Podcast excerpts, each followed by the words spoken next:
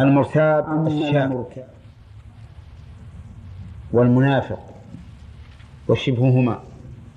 فيقول ها ها لا أدري. سمعت الناس يقولون شيئا فقلت نسأل الله العافية. لم يلج لم يلج الإيمان قلبه. وإنما كان يقول كما يقول الناس من غير أن أن يصل الإيمان إلى قلبه. وتأمل قوله قوله ها ها. كأن شيئا غاب عنه يريد أن يتذكره. وهذا أشد في التحسر. أن يتخيل أنه يعرف هذا الجواب ولكن يقول ها ها. ثم يقول سمعت الناس يقولون شيئا فقلته ولا يقول ربي الله ولا دين الإسلام ولا نبي محمد. لماذا؟ لأنه في الدنيا مرتاب. شاك. هل حقيقة أن الله عز وجل رب مالك مدبر خالق؟ نعم. هل صحيح أن هناك دين دينا يسمى دين دين الإسلام؟ هل هناك صحيح أن هل هل صحيح أن هناك رسولا هو محمد عليه الصلاة والسلام؟ يتشكك. هذا إذا سئل في قبره وصار أحوج ما يكون إلى الجواب الصواب يعجز والعياذ بالله. يقول لا أدري. سمعت الناس يقولون شيئا فقلته. إذا إيمانه قول ولا عقيدة؟ ها؟ قول فقط. يسمع الناس آمنا آمنا فيقول آمنا. لكنه ليس بمؤمن. ومن الناس من يقول آمنا بالله وباليوم الآخر وما هم بمؤمنين. نعم. قلنا في على المعتزلة. نعم. ما فيه إلا إسلام وكفر. إيمان وكفر والآن قلنا يعني فيه منافق مؤمن وكافر إيه. الفرق نعم. المنافق في ذلك الباب في حكم الكافر. في حكم الكافر. لكنه يظهر الإسلام. نعم. طيب هم يعاملون معاملة المنافق. من؟ يعني المعتزلة. إيه صاحب الكبيرة. يقولون أن نعامل معاملة آه، المسلم. ال- الفاسق في الدنيا إيه. وفي الآخرة معاملة الكافر. إيه نعم. جعلوها كالمنافق جعلوه كالمنافق إي نعم. لكن مع ذلك هم هم يتناقضون. يقول إذا عاملتموه معاملة المسلم في أحكام الدنيا لماذا لا يكون في أحكام الآخرة أيضا؟ طيب المنافق. ها؟ المنافق بالآخرة مع- معاملة المنافق في الدرك الأسفل من النار. نعم. في الدرك الأسفل من النار. لكن هم يقولون إن المنافق الذي لم يبدي لنا كبيرة نعامله في في الدنيا على الظاهر. وأمره إلى الله. نعم عبد الله. بارك الله فيك. ورد في البراء بن عازب الله عنه وفي رواية قال الكافر وفي رواية الكافر نعم. فيها شك. يقول فيقول الكافر أو المرتاب. هكذا في الصحيحين. الكافر أو المرتاب. ولكن إذا إذا سمعنا يقول سمعت الناس يقولون شيئا فقلته علمنا أن هذا في المرتاب. لأن الكافر ما هو بيقول كما يقول الناس. أصلا جاحد منكر نعم خالد جزاكم الله خير أليس أحد الثلاثة يدل على الكل؟ إيش سؤال المسؤول حينما يسأل عن النبي صلى الله عليه وسلم فيقال ما دينك؟ فيقول محمد أقول أليس كيف ما دينك محمد ما ما نبيك؟ من نبيك؟ من نعم فإذا قال محمد أقول أليس قوله محمد صلى الله عليه وسلم يدل على الله والدين؟ لا لا لابد من أن يصرح بهذا يسأل عن هذا تصريحا. نعم. نقول أن قد يقال أنه لا يسأل. وقلت مرتبا يسأل فصل من مرتب يكون شاك منافق أليس منافق الله سبحانه وتعالى يعلم حاله وإنما قال ال- ال- الكتاب. اي لكن لأجل أن يتحسر. الفائده من سؤاله أن يتحسر. والا فالله يعلم من حاله. بس هذا في لا لا لا. الكافر صريح إنه ما ما هو من من المؤمنين. ولا يدعي الإيمان. بخلاف هذا نعم. الصغير والمجنون إذا كيف يكون سؤال كما قلنا الصحيح أنه لا يسأل. وإذا كان وإذا لا على قول من يقول أنه يسأل تقول هذه مسائل غيبية ما نعرف كيف يكون هذا. والله عز وجل ربما ينطق هذا الصغير الذي لا يعرف فيقول ربي الله. وينطق كذلك المجنون فيقول ربي الله. هنا نعم. حكم في القبر أو عذاب القبر. إيه. إيه بيجينا إن شاء الله. عذاب القبر فيه أدلة من القرآن والسنة وإجماع المسلمين. الله عنه ينزل ربنا إلى السماء الدنيا الحديث قال شيخ الإسلام رحمه الله في العقيدة الواسطية في أن السنة تؤيد القرآن في الصفات قال وقوله صلى الله عليه وسلم ينزل ربنا إلى السماء الدنيا كل ليلة الحديث هذا الحديث نقول تؤيد أو تثبت بالصفات كما تثبت بالقرآن ها؟ لا أحسن تثبت؟ تؤيد؟ العقيدة الوسطية لا لا العقيدة الوسطية ما قال. وقال السنة تفسر القرآن وت... وتبينه وتعبر عنه وتدل عليه. هذا عبارات. نعم. ها؟ لا لا غلط. غلط. غلط. المتن ما فيه. نعم. لا وأيضا إذا قلنا تؤيد فالمعنى أنها لابد أن يكون أصلها موجود أصلها موجودة في القرآن. والسنة تؤيده والأمر ليس كذلك. السنة تأتي بصفات مستقلة. نعم. هذا الحديث أخرجه عن أبي هريرة مسلم في صحيحه كتاب صلاة المسافرين باب الترغيب في الدعاء والذكر آخر الليل. حديث 58 و700 بلفظ ينزل ربنا تبارك وتعالى كل ليلة إلى السماء الدنيا حين يبقى ثلث الليل الآخر.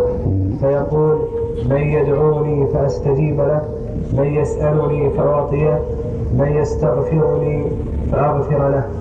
وأخرجه البخاري أيضا بهذا اللفظ في كتاب التوحيد باب يريدون أن يبدلوا كلام الله إلا أنه قال يتنزل ربنا بد- بدل قوله ينزل. وأبو داود في سننه كتاب السنة. ما في لفظ آخر في البخاري؟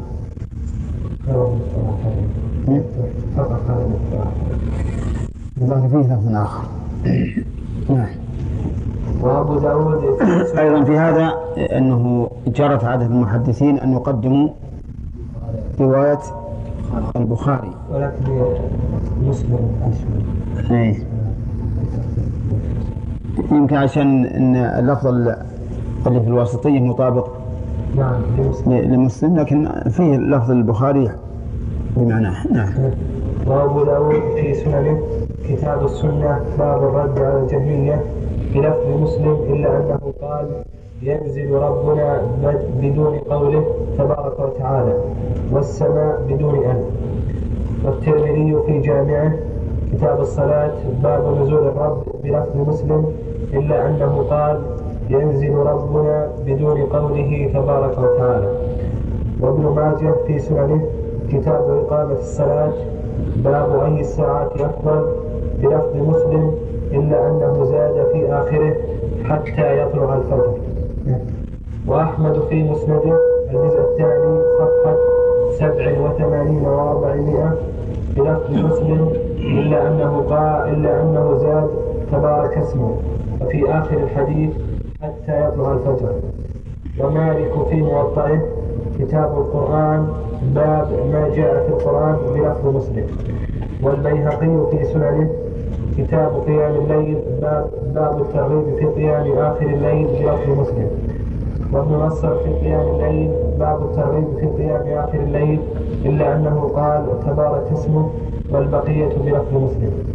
وابن حبان في صحيحه كما في الإحسان بترتيب صحيح ابن حبان صفحة 36 ومئة بلفظ مسلم إلا أنه قال ربنا جل وعلا والسماء والسماء بدون ألف طيب. فيها طابق إيه في ألفاظ أخرى. إيه.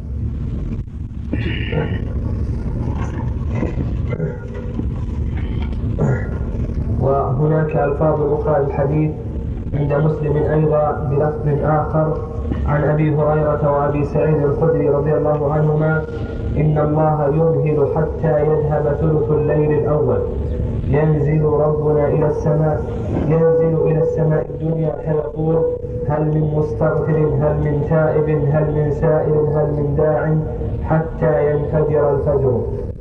وفي لفظ آخر عند مسلم عن أبي هريرة رضي الله عنهما ينزل الله في السماء الدنيا لشطر الليل أو لثلث الليل الآخر. فيقول من يدعوني فأستجيب له أو يسألني فأعطيه. ثم يقول من يقرض غير عديم ولا ظلوم سبحانه وتعالى. وفي لفظ آخر عند وفي لفظ آخر عند مسلم أيضا عن أبي هريرة رضي الله عنه إذا مضى شطر الليل أو ثلثاه ينزل الله تبارك وتعالى إلى السماء الدنيا فيقول هل من سائل يعطى؟ هل من داع يستجاب له؟ هل من مستغفر يغفر له حتى ينفجر الفجر؟ وفي لفظ آخر أيضا عند مسلم ينزل الله إلى السماء الدنيا حين حين يمضي ثلث الليل. الأول فيقول أنا الملك أنا الملك. من ذا الذي يدعوني فأستجيب له؟ من ذا الذي يسألني فأعطيه؟ من ذا الذي يستغفرني فأغفر له؟ فلا يزال كذلك حتى يضيء الصبح. ولحديث أبي هريرة رضي الله عنه ألفاظ أخرى قريبة مما تقدم رواه ابن ماجه في سننه كتاب إقامة الصلاة باب باب أي الساعات افضل وأحمد في في المسند الجزء الثاني صفحة 300 صفحه 83 و300 وابن خزيمة في التوحيد صفحة 27 و100 وابن حبان كما في الإحسان صفحة 37 و100 والدارمي صفحة 46 و300 وممن روى أحاديث النزول غير أبي هريرة وابن مسعود كما في مسند أحمد الجزء الأول صفحة 88 و300 وابن خزيمة في التوحيد صفحة 34 و100 وعلي بن أبي طالب وأبو وأبو الدرداء كما كما في التوحيد لابن خزيمة صفحة 36 و100 وعمرو بن عبسة كما في المسند الجزء الرابع صفحة 67 أو 100 وكما ورد نزوله سبحانه وتعالى مطلقا كل ليلة ورد مقيدا بأزمنة معينة. كما روي ليلة من نزوله سبحانه وتعالى ليلة النصف من شعبان وليلة القدر ويوم ويوم عرفة في أحاديث أخرى. رواها أبو بكر وجابر وعائشة وأم سلمة. وأبو ثعلبة الخشني رضي الله عنهم. أحسن. بارك الله نعم. حديث نصف من شعبان ضعيف. إي نعم. الصحيح ما ها؟ هو هو قال روي. ساعة تمريض هذه وش دي يعني؟ انتين حطهم؟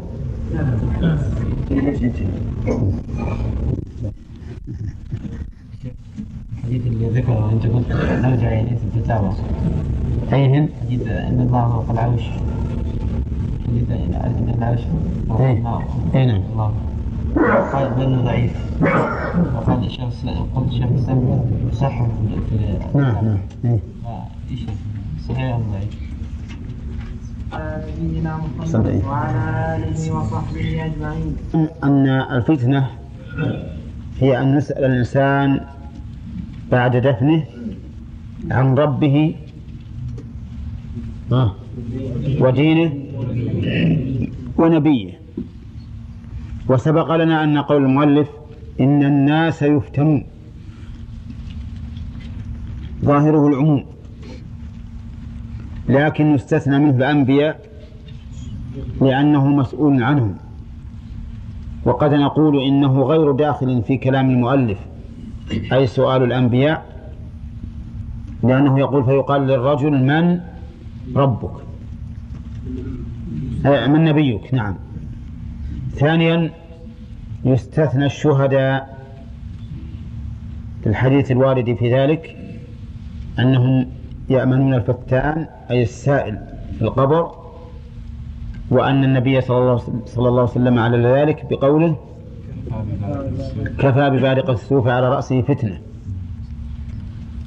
ثالثا يستثنى الصديقون لأنهم أفضل من الشهداء وأشد صدقا. ولهذا جاءت صديق على وزن فعيل. وإذا كان الشهيد لا يسأل لصدق إيمانه بتعريض رقبته للقتل فالصديق أشد منه تصديقا. وهذا ما ذهب إليه ابن عبد البر رحمه الله. ولكن ابن القيم رجح أن الصديق يسأل.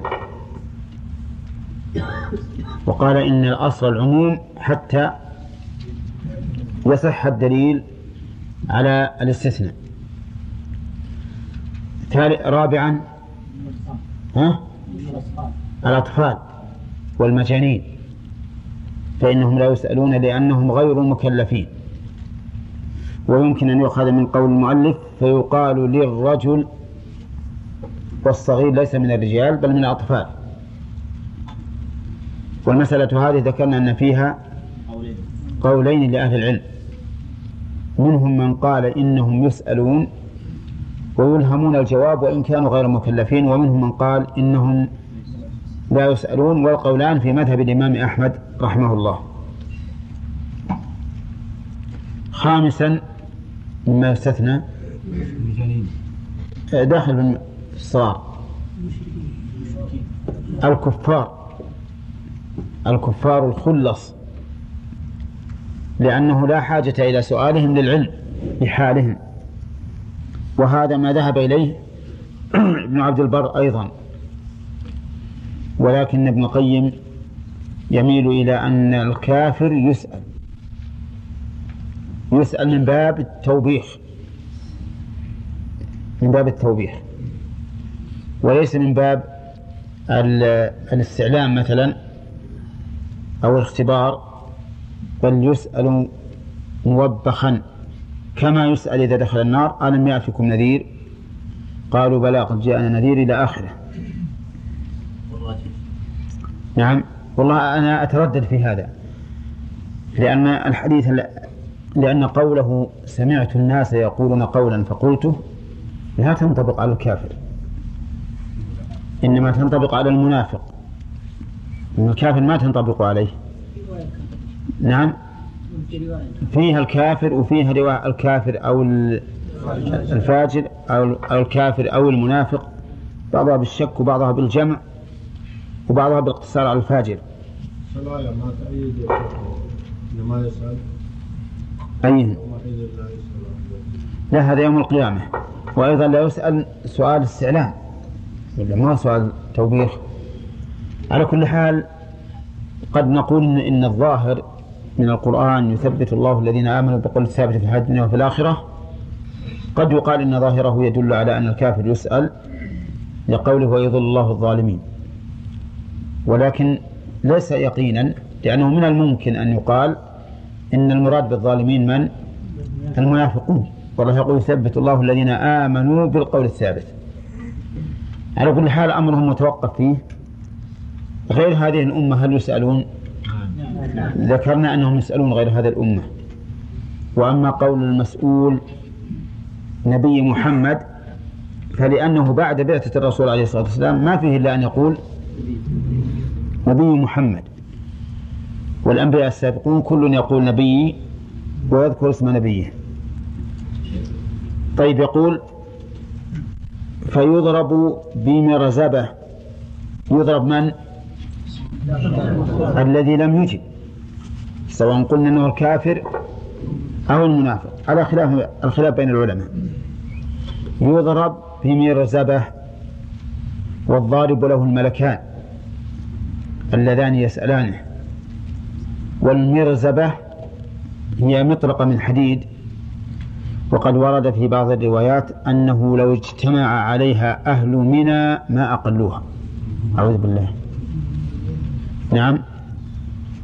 إذا ضرب يصيح صيحة يسمعها كل شيء. إلا الإنسان ولو سمعها الإنسان لصعق قوله يضرب فيصيح. صيح مسموع ولا لا؟ مسموع.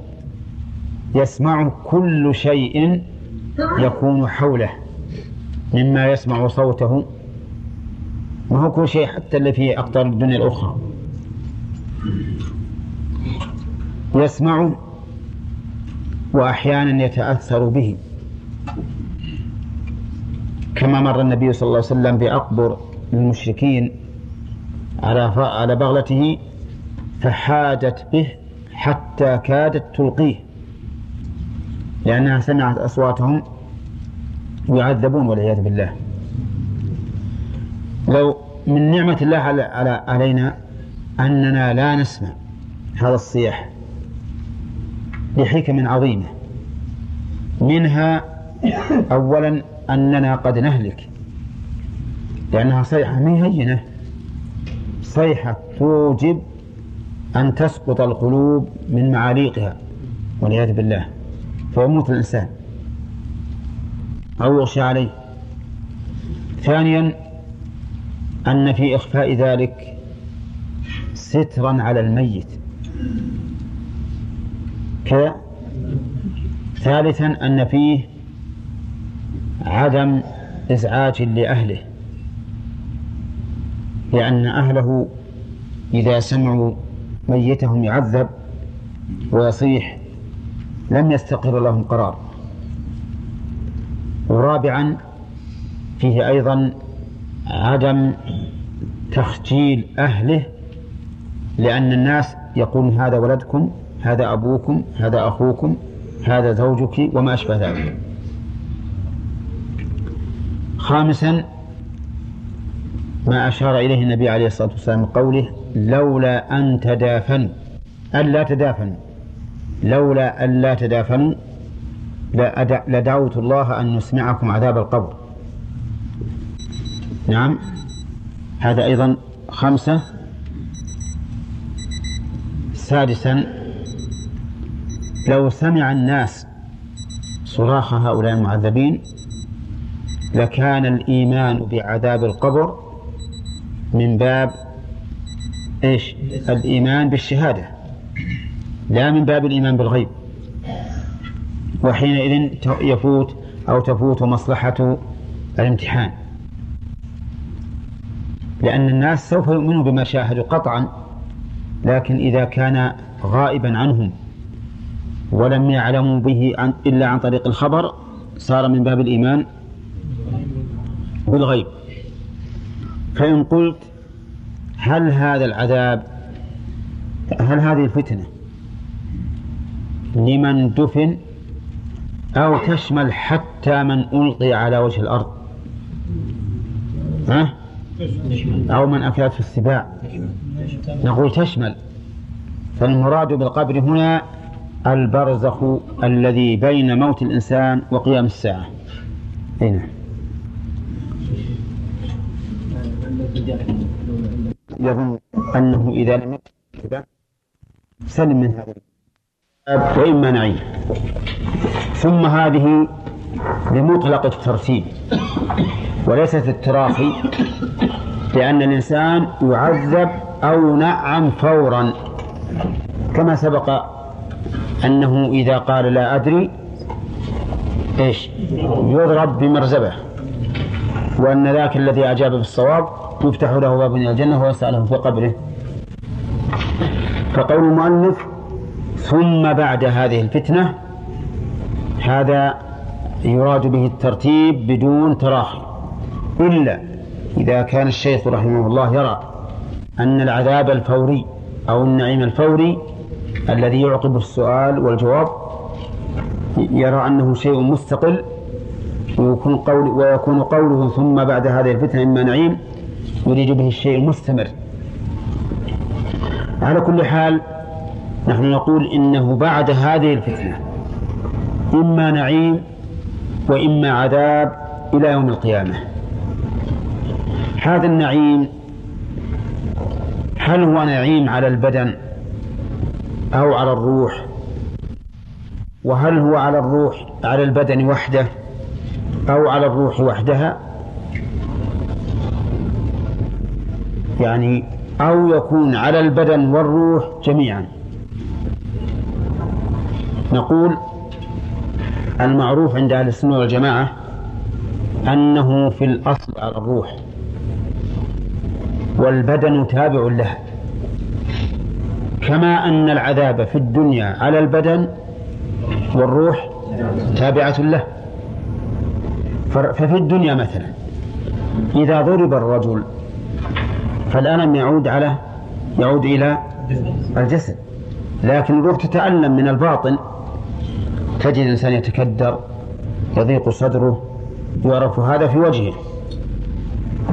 فالعذاب في الدنيا على الظاهر والباطن تبع له وهي الروح. كما أن الع... كما أن الأحكام الشرعية في الدنيا على إيش؟ على الظاهر والباطن لا نحاسبه عليه. في الآخرة بالعكس ففي القبر يكون العذاب على الروح أو النعيم لكن الجسم يتأثر بهذا تبعا. وليس على سبيل الاستقلال. وليس على سبيل الاستقلال. وربما يكون العذاب على البدن والروح تتبعه بمعنى أنه ربما يعذب الإنسان في بدنه ويظهر ذلك أثر ويظهر أثره على البدن. لكن هذا قد لا يقع إلا نادرا. إنما الأصل أن العذاب على إيش؟ على الروح والبدن تبع. النعيم للروح والبدن تبع. فإن البدن يتنعم لما تنعمت الروح التي له يتنعم طيب وقول إما نعيم وإما عذاب. فيه إثبات النعيم في القبر وإثبات العذاب في القبر. وقد دل على ذلك كتاب الله وسنة رسوله صلى الله عليه وسلم بل لنا أن نقول وإجماع المسلمين. إجماع المسلمين. ولنستمع إلى ذلك من كتاب الله. اذكروا الثلاث الأصناف التي في آخر الواقعة. تجدونها ظاهرة في ثبوت عذاب القبر ونعيمه فلولا إذا بلغت الحلقوم وأنتم حينئذ تنظرون ونحن أقرب إليه منكم ولكن لا تبصرون فلولا إن كنتم غير مدينين ترجعونها إن كنتم صادقين. فأما إن كان من المقربين فروح. متى؟ حالا. يعني عندما يموت فروح وريحان وجنة نعيم.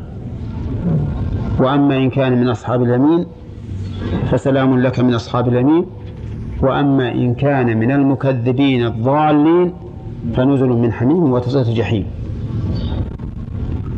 وهذا أمر مشاهد أحيانا يسمع المحتضر يرحب بالقادمين عليه من الملائكة. ويقول مرحبا أحيانا يقول مرحبا اجلس هنا كما ذكر ابن القيم في كتاب الروح. نعم. وأحيانا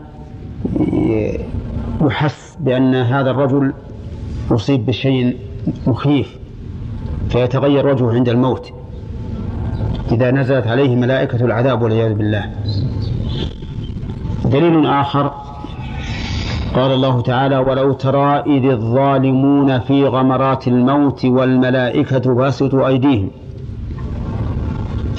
أخرجوا أنفسكم وهم شاحون بأنفسهم. ما يبون تطلع لأنهم قد بشروا والعياذ بالله بالعذاب والعقوبة. فتجد الروح تكع ما تطلع. فأبى. ولهذا قال أخرجوا أنفسكم اليوم تجزون عذاب الهون. اليوم ال هذه للعهد الحضوري. كقوله تعالى اليوم أكملت لكم دينكم. اليوم يعني اليوم الحاضر. كذلك اليوم تجزون ال هنا للعهد الحضوري والمراد به يوم حضور الملائكة لقبض أرواحهم. تجزون عذاب الهون بما كنتم تقولون على الله غير الحق. وكنتم عن آياته تستكبرون. في المتقين قال الذين تتوفاهم الملائكة طيبين يقولون سلام عليكم ادخلوا الجنة. متى؟ في حال الوفاة. تتوفاهم الملائكة طيبين يقولون سلام عليكم ادخلوا الجنة. في هذا الحال. ولهذا جاء في الحديث الصحيح يقال للمؤمن يقال لنفسه اخرجي. أيتها النفس الطيبة اخرجي إلى رحمة من الله ورضوان. فتفرح بهذه البشرى وتخرج منقادة سهلة. ما تتعب. نعم. وإن كان البدن قد يتألم لكن الروح منقادة مستبشرة. أي نعم. طيب هذا في نعيم القبر ولا عذابه الآية الأخيرة؟ في نعيم القبر. طيب في عذاب القبر أيضا آية ثالثة. وهي قوله تعالى في آل فرعون النار يعرضون عليها غدوا وعشيا. ويوم تقوم الساعة أدخلوا آل فرعون أشد العذاب. فقال النار يعرضون عليها غدوا وعشيا قبل قيام الساعة ولا بعد؟ قبل بدليل قوله ويوم تقوم الساعة أدخلوا آل فرعون أشد العذاب. وأما السنة في ذلك فهي متواترة. متواترة في نعيم القبر وعذابه. وأما الإجماع فكل المسلمين يقولون في صلاتهم أعوذ بالله من عذاب جهنم ومن عذاب القبر. ولولا أن عذاب القبر ثابت ما صح أن يتعوذوا منه. إذ لا تعوذ من أمر ليس ها؟ ليس موجودا. فالتعوذ بالله من عذاب القبر من كل المسلمين يدل على أنهم يؤمنون به. وفي صحيح في الصحيحين من حديث ابن عباس قال مر النبي صلى الله عليه وسلم بقبرين.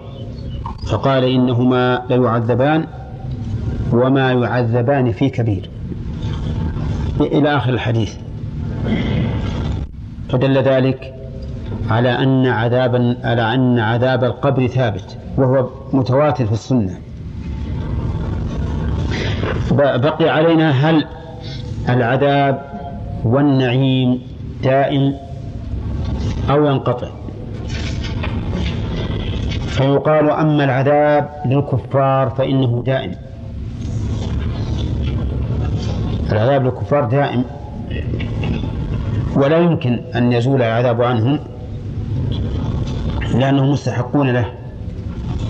لأنه لو زال العذاب كان زال إلى نعيم وهم ليسوا أهلا لذلك. فهم في استمرار في عذاب إلى يوم القيامة. إلى يوم القيامة.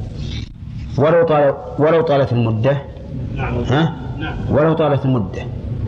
فقوم نوح الذين أغرقوا مما خطيئاتهم أغرقوا فأدخلوا نارا. فلم يجدوا لهم من دون الله أنصارا. هم لا زالوا يعذبون في هذه النار التي أدخلوا فيها. إلى إلى إلى يوم القيامة. ويستمر عذابهم نعوذ بالله. نعم. فالعذاب إذن دائم بالنسبة لمن مات كافرا. أما أما عصاة المؤمنين الذين يقضي الله تعالى عليهم بالعذاب فهؤلاء قد يدوم عذابهم وقد لا يدوم. وقد يطول وقد لا يطول حسب الذنوب وحسب عفو الله عز وجل. وعذابهم في القبر أهون من عذابهم يوم القيامة. لأن عذابهم في القبر ليس فيه خزي وعار. لكن في الآخرة فيه الخزي والعار والعياذ بالله لأنهم لأن لأن الأشهاد موجودون. إنا لننصر رسلنا والذين آمنوا في الحياة الدنيا ويوم يقوم الأشهاد. طيب. إذا قال قائل كيف يثبت هذا؟ ونحن نرى الإنسان يموت في البرية ولا يشهد سواء كان مسلما أو كافرا. كيف نقول عذاب القبر؟ نقول المراد بالقبر البرزخ ما بين الدنيا والآخرة. وتسميتنا إياه بعذاب القبر من باب اللقب من باب مفهوم اللقب الذي لا يمنع من دخول غيره بناء على إيش؟ بناء على الغالب فإن أكثر الموتى يدفنون طيب إذا قال قائل لو أن هذا الرجل تمزق أوصالا وأكلته السباع وذرته الرياح. فكيف يكون عذابه كيف يكون سؤاله؟ فالجواب أن الله عز وجل على كل شيء قدير. وهذا أمر غيبي. وهو أمر حسي. فالله عز وجل قادر على أن يجمع هذه الأشياء في عالم الغيب وإن كنا نشاهدها في الدنيا متمزقة ومتباعدة. لكن في عالم الغيب ربما يجمعها الله. هؤلاء الملائكة كما أسلفنا آنفا تنزل لقبض روح الإنسان في المكان نفسه. ونحن أقرب إليه منكم ولكن لا تبصرون. ومع ذلك هل يبصرونه أبدا ما نبصرهم. ملك الموت يكلم الروح. اخرجي. أيتها النفس المطمئنة. يكلمها ونحن نسمع ولا لا؟ ما نسمع. جبريل أحيانا يتمثل يتمثل للرسول عليه الصلاة والسلام ويكلمه بالوحي. في في نفس المكان والناس لا ينظرون ولا يسمعون. لا ينظرون ولا يسمعون. مع أنه يكلمه كما يكلم الرجل صاحبه ويعي ما يقول والناس ينظرون ولا ولا يرون ولا يسمعون. فعالم الغيب لا يمكن ابدا أن يقاس بعالم الشهادة. وهذه من حكمة الله عز وجل. الآن نفسك اللي في في جوفك ما تدري كيف تتعلق ببدنك. وشون كيف هي موزعة على البدن؟ وشون هذا ما ما تعرف. وكيف تخرج منك عند النوم؟ هل تحس بها؟ تحس بهذا استيقظت أن ترجع؟ ومين تدخل مع الرأس ولا مع الدبر ولا مع الرجل ولا مع اليد؟ من أين؟ نعم. فعالم الغيب ليس فيه إلا التسليم ولا يمكن فيه القياس إطلاقا. فالله عز وجل قادر على أن يجمع هذه المتفرقات من البدن المتمزق الذي ذرته الرياح ثم يحصل عليه المساءلة والعذاب أو النعيم. لأن الله سبحانه وتعالى على على كل شيء قدير. طيب فإن قلت يدفن الميت في قبر ضيق حوالي شبر فكيف يوسع له مد البصر؟ ها؟ نفس الشيء. إيه، نفس الشيء. نقول عالم الغيب لا يقاس بعالم الشهادة. بل إننا لو فرض أن أحدا حفر حفرة مد البصر ودفن فيها الميت يطبق عليه الذي لا يعلم بهذه الحفرة هل يراها ولا ما يراها؟ طبعا ما يراها. وهو قد مد آه، آه، قد يعني وسع له القبر مد البصر.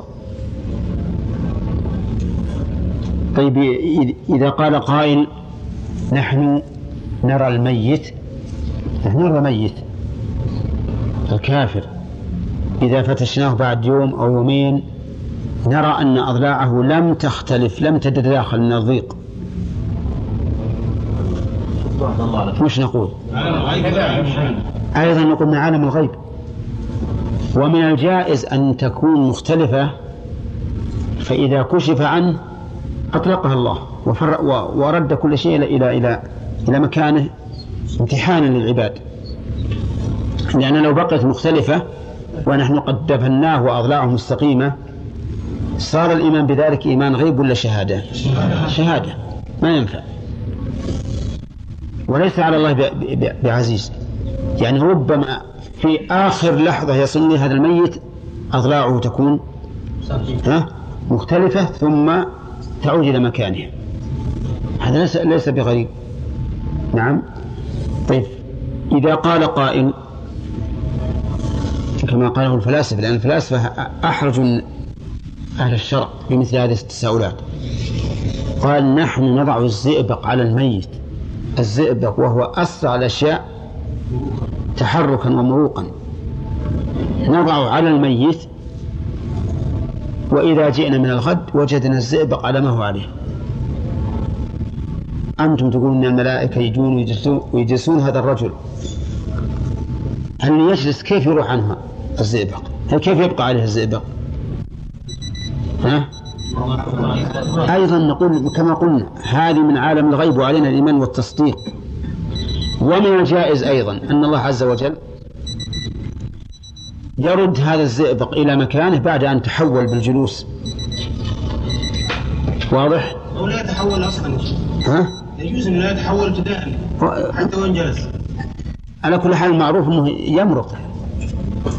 طيب نقول أيضا انظر الآن إلى الرجل في المنام. الرجل في المنام يرى في المنام أشياء آه، يعني لو كان لو كان على حسب رؤيته إياها ما بقي في مكانه في فراشه على السرير. ولا لا؟ أحيانا أحيانا يرى أنه طالع هو زملائه برحلة. نعم. راكبين سيارة وصلوا الرحلة. قدموا الغداء وأكلوا الغداء ثم آه، لعبوا رياضة بعض الشيء بعد الغداء نعم. وأين هو؟ في فراشه. صح ولا لا؟ في فراشه. وأحيانا تكون رؤيا حق من الله عز وجل وتقع كما كان تقع كما كان كأنما يقرأها في منامه. نعم. ومع ذلك نحن نؤمن بهذا الشيء. نؤمن. والإنسان إذا رأى في منامه ما يكره إذا أصبح وإذا هو متكبر. وإذا رأى ما يسره أصبح وهو مستبشر وفرح. كل هذا يدل على أن أمور الروح ليست من الأمور المشاهدة. هنا نعم خالد هل يمكن ان نتخلف على تصور؟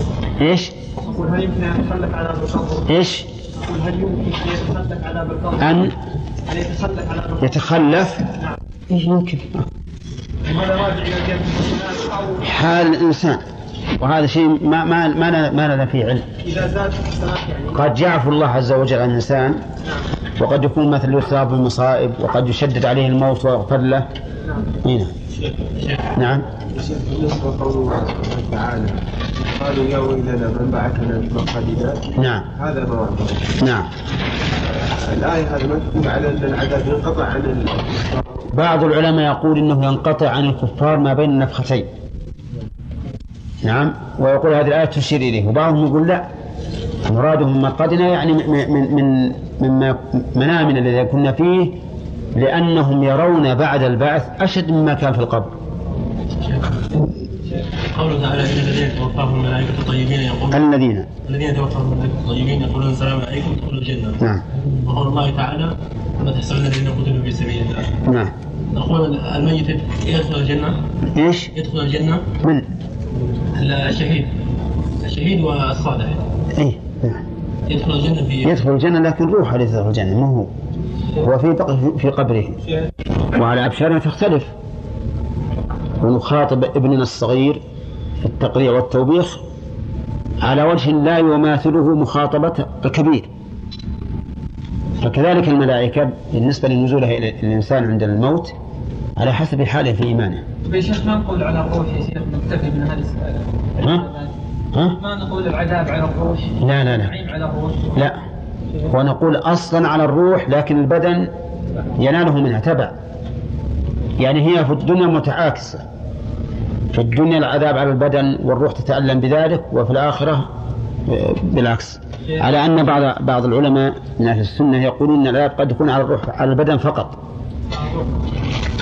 وعلى الروح فقط. وعلى البدن فقط. نعم. وهل يظهر آه، بعض عذاب القبر مع أنه ذكر يعني بعض القصص يحفرون القبر ويريدونه مشتعلا نارا أو إن هذا قد يظهره الله عز وجل أحيانا تصديقا ل- آه، لوحيه وامتحانا لخلقه نعم الفرق بين قول انه العذاب أو نعيم القبر على الروح والجسد تابع له وأنه على الروح والجسد جميعا إيه الفرق؟ يكون الذي يباشره العذاب هي النفس.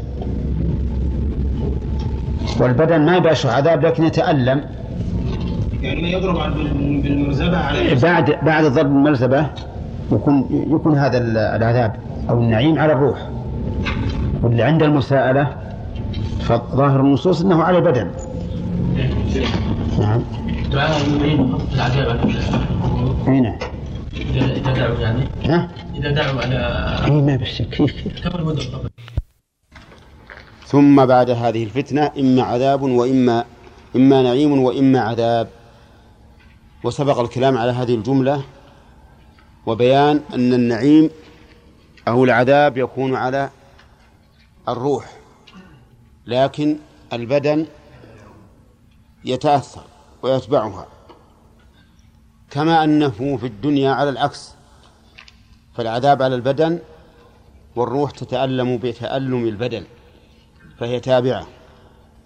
وفي البرزخ تكون متبوعة.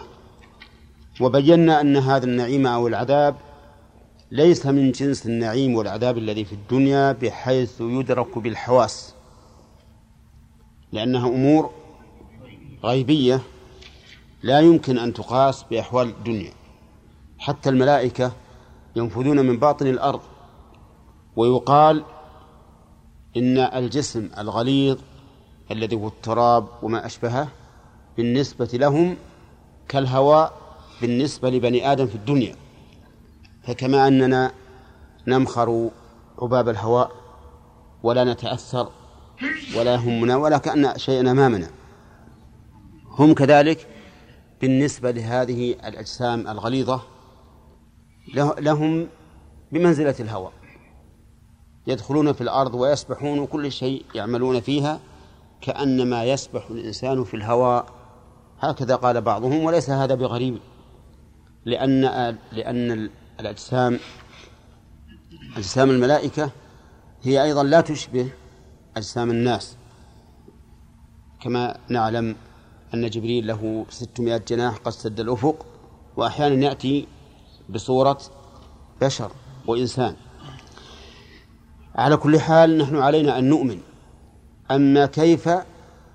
فإن اهتدينا إلى ذلك فزيادة علم وإن لم نهتدي فالمقصود المعنى.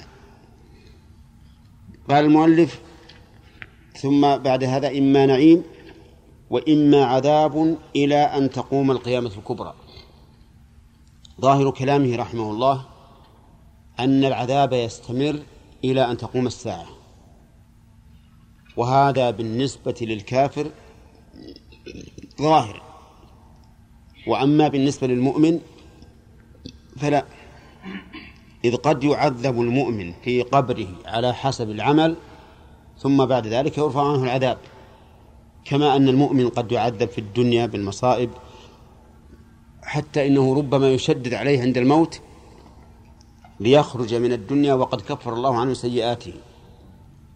أما الكافر فنعم يستمر عذابه إلى يوم القيامة لأنه ليس أهلا للرحمة ورفع العذاب عنه. ذكر بعض العلماء أنه يخفف عن الكفار ما بين النفختين. نفختين نفختي الصور وبينهما كما ثبت في الحديث الصحيح أربعون.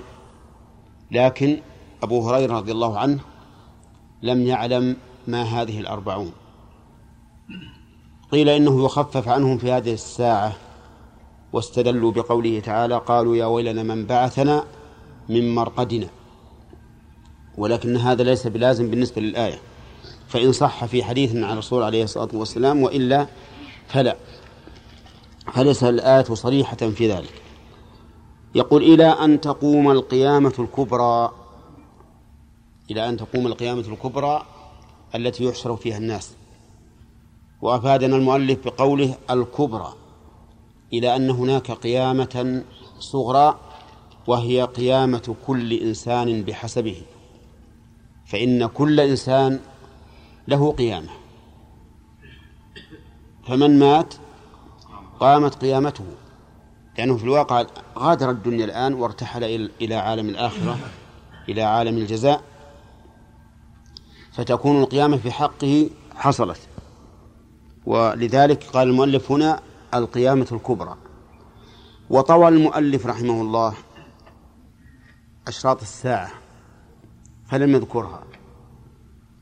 لأن المؤلف إنما يريد أن يتكلم عن اليوم الآخر. أما أشراط الساعة وهي علامات قربها فإنه لا علاقة له في, اليوم الآخر وما هو إلا مجرد علامات وإنذارات لقرب قيام الساعة ليستعد لها من يستعد. وبعض أهل العلم الذين صنفوا في العقائد ذكروا أشراط الساعة هنا. والحقيقة أنه ليس لها دخل في في الإيمان باليوم الآخر. وإن كانت هي من الأمور الغيبية التي أخبر الله أشار الله إليها في القرآن وفصلها النبي صلى الله عليه وسلم في السنة. يقول إلى أن تقوم القيامة الكبرى فتعاد الأرواح إلى الأجساد. تعاد الأرواح إلى الأجساد بعد أن فارقتها بالموت. وذلك أن الله تعالى يأمر إسرافيل فينفخ في الصور فيصعق من في السماوات ومن في الأرض إلا من شاء الله. ثم ينفخ فيها فيه مرة أخرى فتتغاير الأرواح من الصور. إلى أجسادها وتحل فيها. وفي قول المؤلف إلى الأجساد إشارة إلى أن الأرواح لا تخرج من الصور إلا بعد أن تتكامل الأجساد مخلوقة. فإذا كملت خلقتها نفخت نفخت في الصور فدخلت الأرواح أو أعيدت الأرواح إلى أجسادها. وفي قوله تعاد الأرواح إلى الأجساد دليل على أن البعث إعادة وليس تجديدا بل هو إعادة لما زال وتغير وتحول. فإن الجسد يتحول إلى تراب. والعظام تكون رميما. ولكن مع ذلك يجمع الله تعالى هذا المتفرق حتى يتكون الجسد.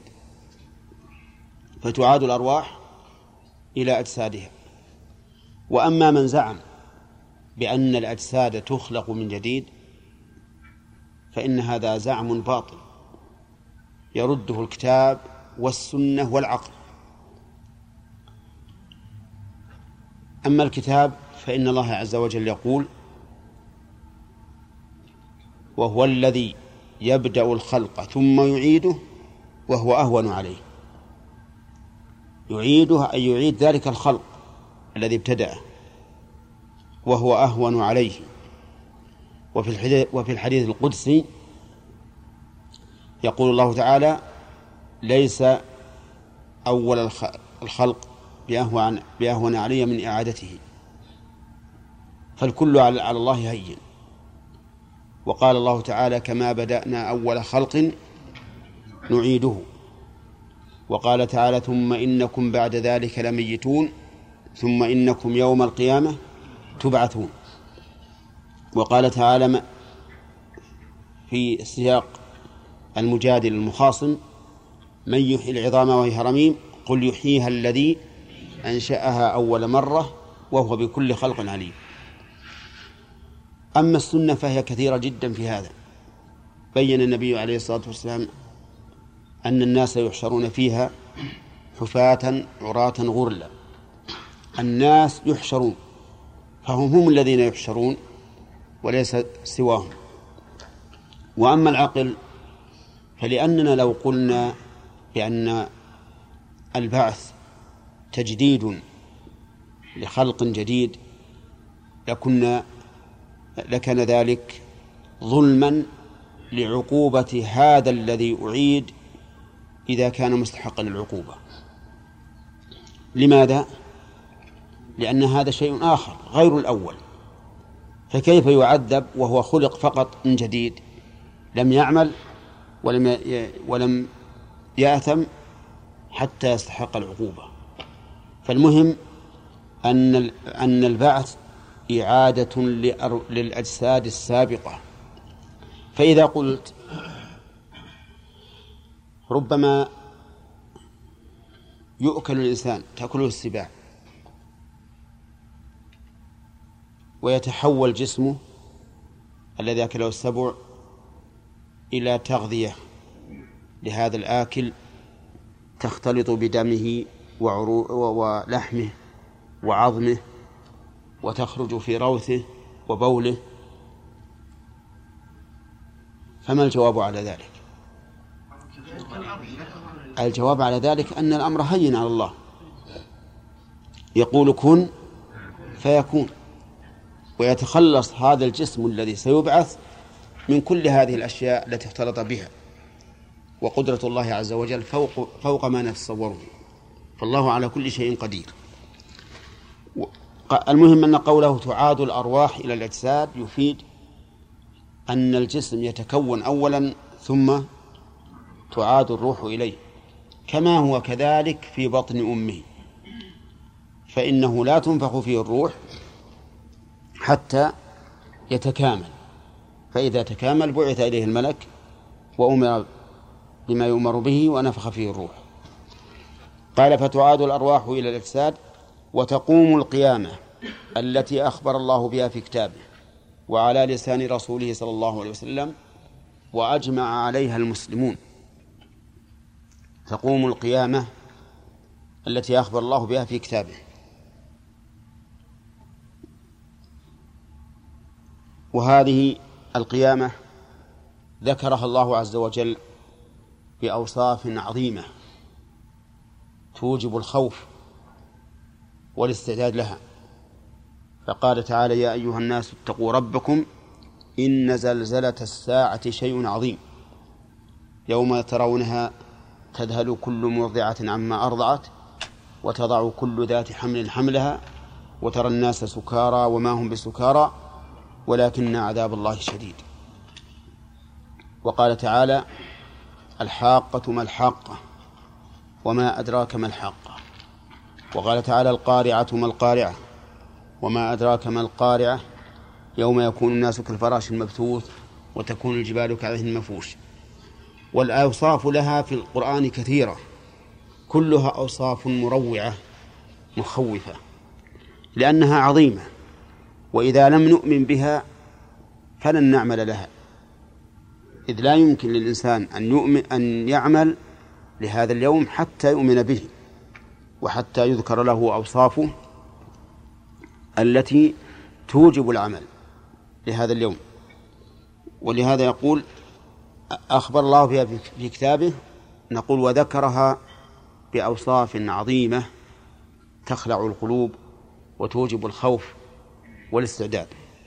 كذلك على لسان الرسول صلى الله عليه وسلم فالأحاديث في ذكر القيامة كثيرة. بين الرسول عليه الصلاة والسلام ما يكون فيها كما سيأتي إن شاء الله تعالى في ذكر الحوض والصراط والكتاب وغير ذلك مما بينه الرسول صلى الله عليه وسلم. هذان دليلان. الدليل الثالث قال وأجمع عليها المسلمون أجمع على أجمع المسلمون على هذا اليوم على وجود يوم القيامة. ولهذا كان من أنكره فهو كافر. من أنكر من أنكر يوم القيامة فهو كافر. إلا إذا كان غريبا عن الإسلام وجاهلا فإنه يعرف فإن أصر على الإنكار بعد ذلك فهو كافر. أيضا نقول أجمعت عليها الكتب السماوية. هذا دليل رابع أن الكتب السماوية اتفقت على إثبات اليوم الآخر. ولهذا كان اليهود والنصارى يؤمنون بذلك يؤمنون باليوم الآخر حتى الآن يؤمنون به. ولهذا تسمعونهم يقولون فلان المرحوم أو رحمه الله أو ما أشبه ذلك مما يدل على أنهم يؤمنون باليوم الآخر إلى إلى إلى يومنا هذا. الدليل الرابع أو الخامس الخامس العقل.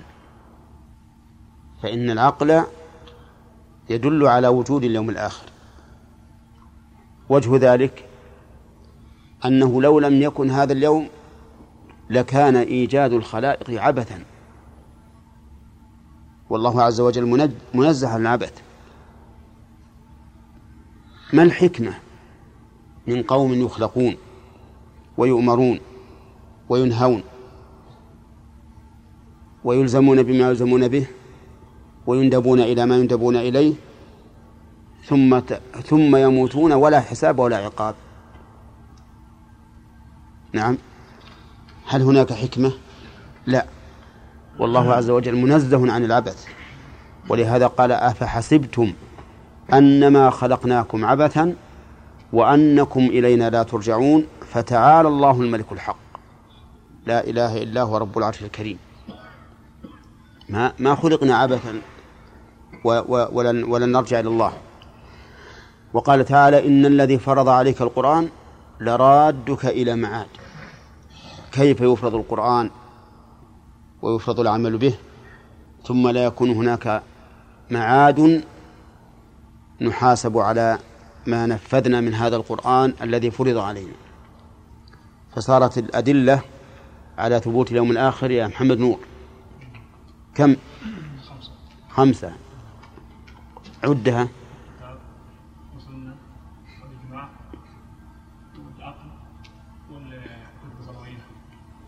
الكتب السماوية الأخرى. طيب. إذن يوم القيامة ثابت ولا بد. ولا ينكره إلا رجل مكابر أو سفيه مجنون لا يعرف عن الحكم شيئا. يقول وأجمع عليها المسلمون فيقوم الناس من قبورهم لرب العالمين. يقوم الناس من قبورهم لرب العالمين. وقول من قبورهم هذا بناء على الأغلب الأكثر وإلا فقد يكون الإنسان غير مدفون. المهم أنه يقوم من البرزخ. وقوله لرب العالمين يعني لأن الله عز وجل يناديهم. قال الله تعالى واستمع يوم ينادي المنادي من مكان قريب يوم يسمعون الصيحة بالحق ذلك يوم الخروج. فيقومون له لهذا النداء العظيم من من قبورهم لربهم عز وجل الذي هو رب كل شيء رب العالمين. قال الله تبارك وتعالى ألا يظن أولئك أنهم مبعوثون ليوم عظيم؟ يوم يقوم الناس لرب العالمين. هذا اليوم العظيم يقوم الناس فيه من قبورهم على هذا الوصف حفاة عراة غرلا حفاة ليس عليهم نعال ولا خفاف. يعني أنه ليس عليهم لباس للرجل. عراة ليس عليهم لباس للجسد. غرلا لم ينقص من خلقهم شيء. والغرل جمع أغرل وهو الذي لم يختن. يعني أن القلفة التي قطعت منه في الدنيا تعود يوم القيامة. لأن الله يقول كما بدأنا أول خلق نعيده. فيعاد الإنسان كاملا. يعاد الإنسان كاملا. لم ينقص منه شيء. حتى الغر حتى القلفة التي أخذت تعود. يعودون على هذا الوصف. مختلطين. رجالا ونساء. ولما حدث النبي عليه الصلاة والسلام بذلك قالت عائشة يا رسول الله الرجال والنساء يعني كيف يكون هذا؟ كلهم عراة. فقال الأمر أعظم من أن يهمهم ذلك. مسألة ما فيها نظر ذلك الوقت. كل إنسان له شأن يغنيه. يوم يفر المرء من أخيه وأمه وأبيه وصاحبته وبنيه لكل امرئ منهم يومئذ شأن يغنيه. ما حد يلتفت لأحد ولا رجل ينظر إلى امرأة ولا امرأة تنظر إلى رجل حتى إذا وجد ابنه يفر منه خوفا من أن يطالبه بحقوق الله. وإذا كان هذا الأمر واقعا أو هو الواقع فإنه لا يمكن أن تنظر المرأة إلى الرجل ولا الرجل إلى المرأة. الأمر أعظم. ولكن مع ذلك يكثون بعد هذا. وأول من يكثى إبراهيم عليه الصلاة والسلام كما ثبت ذلك عن النبي صلى الله عليه وسلم. يقول رحمه الله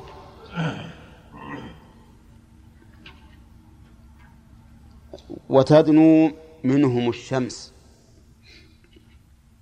ويلجمهم العرق. تدنو أي تقرب. منهم الشمس وفي ذلك اليوم شمس. وتقرب منهم مقدار ميل. وهذا الميل هل هو المسافة أو ميل المكحلة؟ أيا كان سواء كان ميل المكحلة وقريب يعني من الرأس جدا أو كان ميل المسافة الذي هو ثلث فرسخ فإنها قريبة. وإذا كانت هذه حرارتها في الدنيا وهي وبين وبينها من البعد شيء عظيم فكيف إذا كانت عن الرؤوس بمقدار ميل؟ قد يقول قائل المعروف الآن أن الشمس لو تدنو بمقدار شعرة عن مستوى خطها لأحرقت الأرض. نعم. فكيف يمكن أن تكون في ذلك اليوم بهذا المقدار من البعد ثم لا تحرق الخلق؟ فالجواب على ذلك أن الناس يحشرون يوم القيامة ليسوا على القوة التي هي هم عليها الآن بل هم أقوى وأعظم وأشد تحملا لو أن الناس الآن وقفوا خمسين يوما في شمس لا ظل ولا أكل ولا شرب اليوم هل يمكنهم ذلك؟ ها؟ أبدا يموتون لكن يوم القيامة يبقون خمسين ألف سنة لا أكل ولا شرب ولا ظل إلا من أضله الله عز وجل. ومع ذلك يشاهدون أهوالا عظيمة. ليسوا نائمين أو واقفين لا يشاهدون شيئا. يشاهدون أشياء عظيمة جدا. ومع ذلك يتحملون. في عذاب جهنم كيف يتحملون هذا التحمل العظيم؟ كلما نضجت جلودهم بدلهم الله جلودا غيرها. في في, في أهل أهل الجنة ينظر الإنسان إلى إلى ملك مسيرة ألف عام أو ألف عام ينظر أقصاه كما ينظر أدناه. نحن الآن ما ننظر مسيرة نصف يوم. ولا لا؟ ها؟ ولا شيء أبدا. طرف السوق القريب ما ننظر اللي في طرف السوق كما ننظر اللي جنبنا.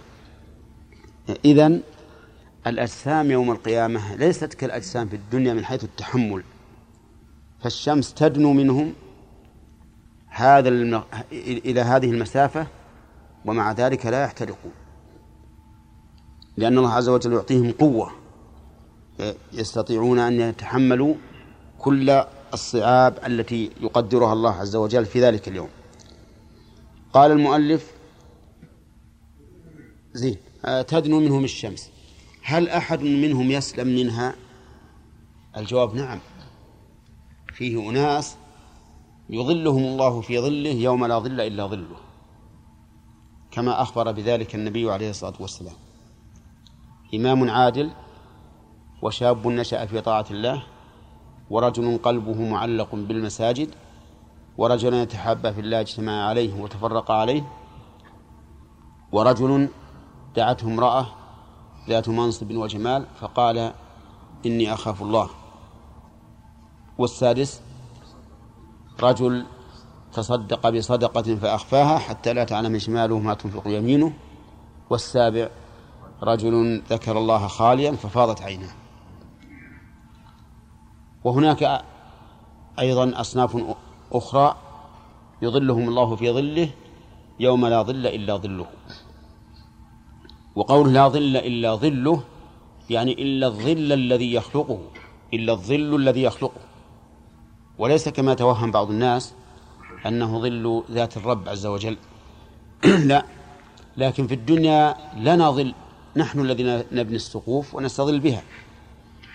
أشجار نستظل بها كهوف نستظل بها. لكن يوم القيامة لا بناء ولا أشجار ولا كهوف إنما ظل الله عز وجل الذي يخلقه سبحانه وتعالى يستظل به من شاء من عباده. قال ويلجمهم العرق. يلجمهم العرق أي يصل منهم إلى موضع اللجام من الفرس. وما موضع اللجام من الفرس؟ الفم. الفم. ولكن هذا غاية ما يصل إليه العرق. وإلا فبعضهم يصل العرق إلى كعبيه وإلى ركبتيه وإلى حقويه ومنهم من يلجمه. فهم يختلفون في هذا العرق ويعرقون من شدة الحر. يعرقون من شدة الحر لأن المقام مقام زحام وشدة ودنو الشمس فيعرق الإنسان. يعرق الإنسان من هذا من مما يحصل في ذلك اليوم لكنهم على حسب أعمالهم. يكون العرق على حسب أعمالهم. فإن قلت كيف يكون ذلك وهم في مكان واحد؟ كيف يكون هذا ذلك وهم في مكان واحد؟ فالجواب أننا أصلنا قاعدة يجب الرجوع إليها. وهي أن هذه الأمور الغيب الأمور الغيبية وهي أن هذه الأمور الغيبية يجب علينا أن نؤمن ونصدق دون أن نقول كيف. لأنها شيء وراء عقولنا ولا يمكن أن ندركها أو نحيط بها. هذان رجلان دفنا في قبر واحد أحدهما مؤمن والثاني كافر. ينال المؤمن من النعيم ما يستحق وينال الكافر من العذاب ما يستحق وهما في قبر واحد. أليس كذلك؟ نعم. ومع هذا نقول العرق يوم القيامة يكون هكذا. هم في مكان واحد في موقف واحد. نعم. يلجم بعضهم العرق ويصل العرق إلى بعضهم في بعضهم إلى كعبيه. وإلى ركبتيه وإلى حقويه ولا مانع.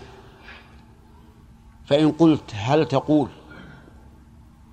إن الله سبحانه وتعالى يجمع من يلجمهم العرق في مكان ومن يصل العرق إلى كعبيه في مكان وإلى ركبتيه في مكان وإلى حقيه في مكان؟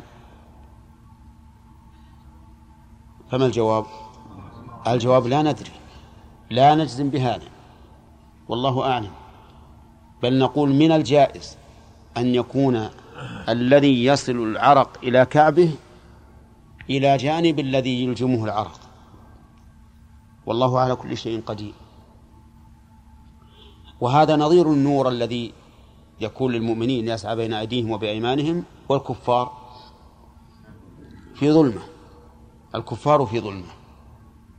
فيوم القيامة كما قلت يجب علينا أن نؤمن به أما كيف؟ فهذا لا يرد علينا. كما أن صفات الله سبحانه وتعالى كذلك. نؤمن بها ونصدق ولكن كيف؟ ها؟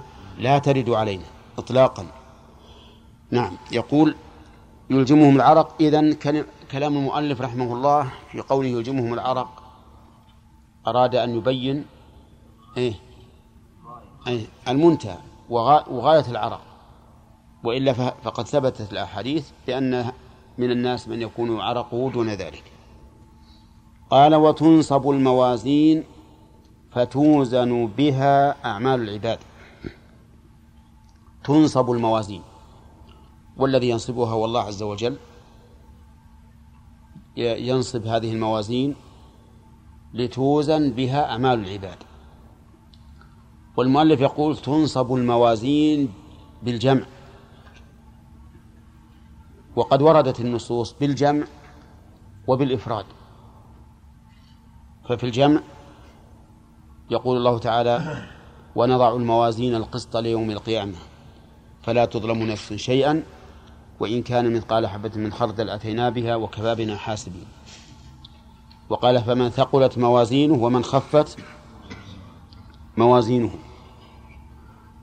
وقال تعالى والوزن يومئذ الحق فمن ثقلت موازينه فأولئك هم المفلحون. ومن خفت موازينه فأولئك الذين خسروا أنفسهم. ففي القرآن أتت الموازين بالجمع. وفي السنة قال النبي صلى الله عليه وسلم كلمتان حبيبتان إلى الرحمن خفيفتان على اللسان ثقيلتان في الميزان. سبحان الله وبحمده سبحان الله العظيم. فقال في الميزان. أفرد. طيب. فكيف الجمع؟ كيف نجمع بين الآيات القرآنية وبين هذا الحديث؟ نعم. فالجواب أن نقول إنها جمعت باعتبار الموزون. باعتبار الموزون. لأن الموزون ليس واحدا بل هو متعدد. أو أنها جمعت باعتبار أن لكل أمة ميزانا. لكل أمة ميزانا. وأفردت باعتبار ميزان كل أمة. الفرق بين القولين ظاهر. الأول يقول نقول الميزان واحد لجميع الناس لكن تعدد باعتبار ما يوزن به باعتبار الموزون. وحينئذ لا لا لا يعارض قوله عليه الصلاة والسلام ثقيلتان في الميزان. أو باعتبار إيش؟ تعدد الأمم. يعني أن لكل أمة ميزانا. لأن هذه الأمة مثلا تعطى أجرها مرتين. تعطى أجرها مرتين وغيرها يعطى الأجر مرة واحدة. من هذه الأمة من يضاعف له الأجر مرتين. كنساء إيش؟ كنساء النبي صلى الله عليه وسلم. فيكون المو... هذا الميزان يتعدد باعتبار الأمم. طيب. وقيل إن المراد إن أن الموازين متعددة والمراد بالميزان في قوله عليه الصلاة والسلام ثقيلة في الميزان أي في الوزن. فالميزان هنا ليس المراد ما يوزن به بل المراد ما الوزن اللي هو فعل الفعل. ثقيلتان في الوزن. ولكن الذي يظهر والله أعلم أن الميزان واحد وأنه وأنه جمع باعتبار إيش؟ الموزون. بدليل قوله فمن ثقلت موازينه ويبعد أن يكون الواحد له موازين متعددة.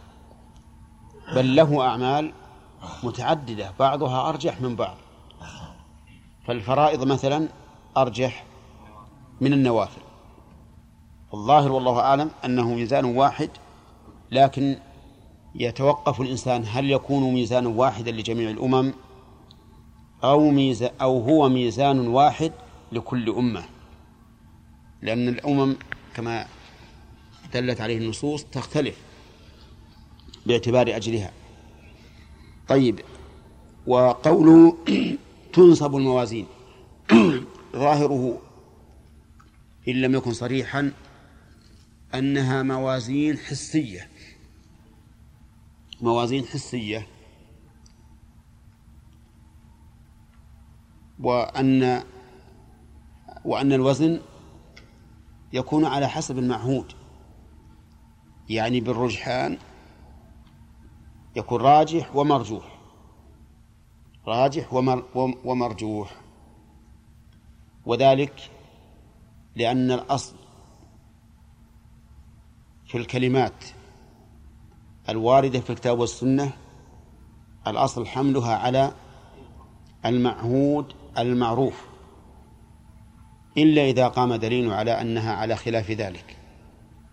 والمعهود المعروف عندنا أو عند المخاطبين من منذ نزول القرآن إلى اليوم أن الميزان حسي وأن هناك راجح ومرجوح وأن الراجح هو الأكثر والأثقل. نعم فمثلا إذا وضعت السيئات في كفة والحسنات في كفة إذا كانت الحسنات أكثر تنزل كفة الحسنات؟ ولا لا؟ أو ترتفع؟ تنزل. هذا هو المعروف. طيب. خالف في ذلك جماعة. أولا المعتزلة قالوا إنه ليس هناك ميزان حسي. ولا حاجة إلى الميزان الحسي. لأن الله تعالى قد علم أعمال العباد وأحصاها ولكن المراد بالميزان الميزان المعنوي الذي هو العدل. فيظهر العدل هناك.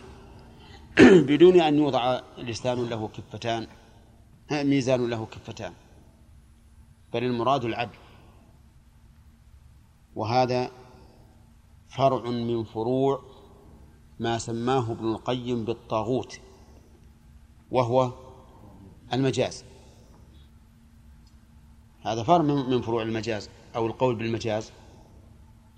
لأنهم يقولون في مثل هذا إنه مجاز عن كذا. فالموازين مجاز عن عن العدل. طيب كيف نقول مجاز عن العدل وهي صريحة؟ ولا شك أن قول المعتزلة باطل لأنه مخالف لظاهر اللفظ وإجماع السلف. ولأننا إذا قلنا إن المراد بالميزان العدل فلا حاجة إلى أن نتكلم عن الميزان. بل نقول بالعدل لأنه حتى العدل أحب إلى إلى النفس من كلمة ميزان. إذ أن الميزان قد يوجد ولا يوجد العدل. أليس كذلك؟ ما أكثر الذين يبخسون المكاييل والموازين. لكن إذا قيل العدل صار أحب إلى النفوس وأظهر ولهذا قال الله تعالى إن الله يأمر بالعدل والإحسان. فقولهم بلا شك باطل وخلاف الحق خلاف ظاهر النص وإجماع السلف على ذلك. طيب فيه من يرى بأن الرجحان هو للعالي للعالي يعني يقول إذا وضعت الحسنات في كفة والسيئات في كفة فالذي يرتفع هو الراجح. وهذا هذا خلاف المعهود أيضا. هذا خلاف المعهود. وقوله لأنه يحصل فيه العلو نقول لكنه يحصل فيه النقص لأنه لا يرتفع إلا إذا كان ناقصا. وحينئذ يجب أن, أن نجري الأمر على ظاهره. ونقول إنه إن الراجح هو الذي ينزل. ويدل لذلك حديث صاحب البطاقة. فإن فيه أن السجلات تطيش ترتفع. وهذا واضح بأن الذي الرجحان يكون بالنزول. نعم. اي ما يخالف. يقول يقول هي تتقى لكن ترتفع. اي نعم. طيب. في فاصل. ها؟ أقول في فاصل للأسئلة. والله أنا يظلهم الله ظل عرشه اي السبعه اي نعم. هذا صحيح ولا والله إن جاء في الحديث ظل عرش ما يمتنع. وهذا بعيد. لكن العرش يطلق في اللغة العربية على ما هو أعم من ذلك ومنه عريش النخل عريش العنب وما أشبه ذلك. قد يكون عرش يعني معناه ظل. هنا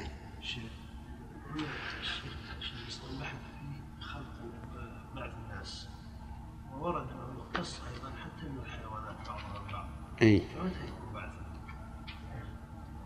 إي نعم.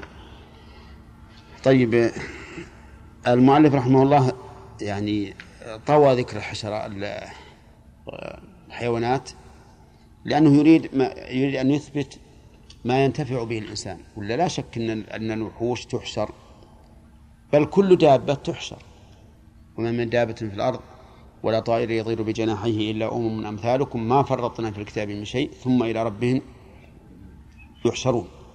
كل شيء يحشر ولا ويحشر مع الناس يحشر مع الناس. طيب إذا نسد الأداء نسد يعني على خمس دقائق تقول انها أو الحيوانات تحشر مع الناس نعم. يا شيخ بالنسبة للحساب ما تحاسب لا تحاسب. يقتص يقتص للشاة الجلحة من الشاة القرنة. ثم بعد ذلك يأمرها الله فتكون ترابا. يا شيخ هل هي مكلفة في الدنيا اذا اختصت اذا اختصنا في الاخره؟ ها؟ فيما بينها يقام العدل فيما بينها. لكن بالنسبة لنا نعاقب عليها. نعاقب عليها. ولا أدري هل تعاقب علينا أم لا. هذا الله أعلم. نحن نعرف التحليل والتحريم في الدنيا. إذا جنى الإنسان جناية مثلا حدا يعرف أنه يعني عمل قد محرما. أما هذا يختص ل- لإظهار العدل لأن لأن الشاة مثلا اللي لها قرن إذا آه، نطحت الشاة اللي ما لها قرن. هذيك تتألم. ولهذا إذا رأتها بعد بعد ذلك تهرب منها. فالله عز وجل لكمال عدله يقضي بينهما. ترك تدرك وما تدرك. آمن بما جاء به النص. واترك أنا قلت لك مثل هذه المسائل لا يجوز أن- أننا نلقيها. الرسول لما رأى شاتين تت- تتنطحان قال لأحد الصحابة عنده أتدري فيما ينتطحان. قال الله ورسوله أعلم. قال لكن الله يدري وسيقضي بينهما. هنا. طيب. آه، نقول فتنصب الموازين. انتهينا من كلمة الموازين. الجمع بينها وبين الميزان بلفظ الإفراد. ثم قال فتوزن بها أعمال العباد. توزن بها أعمال العباد. وكلامه رحمه الله صريح بأن الذي يوزن العمل بأن الذي يوزن العمل.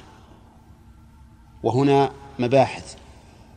المبحث الأول كيف يوزن العمل؟ والعمل وصف قائم بالعامل. وليس جسما حتى يوزن.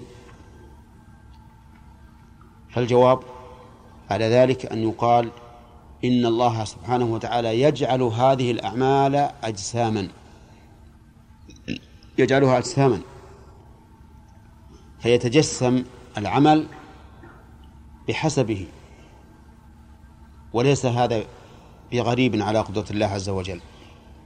وله نظير وهو الموت.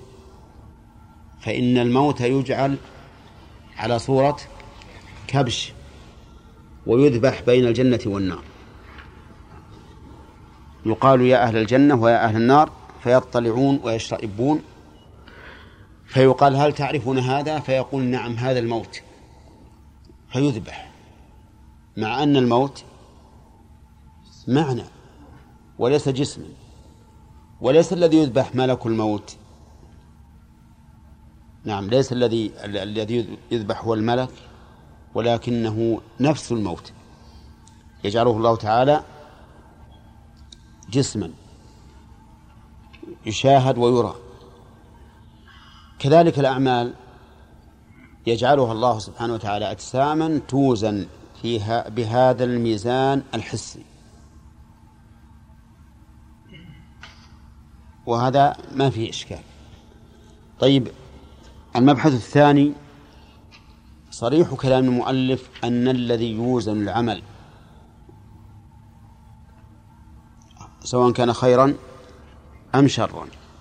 وهذا هو ظاهر القرآن كما قال الله تبارك وتعالى يومئذ يصدر الناس أشتاتا ليروا أعمالهم فمن يعمل مثقال ذرة خيرا يره ومن يعمل مثقال ذرة شرا يره.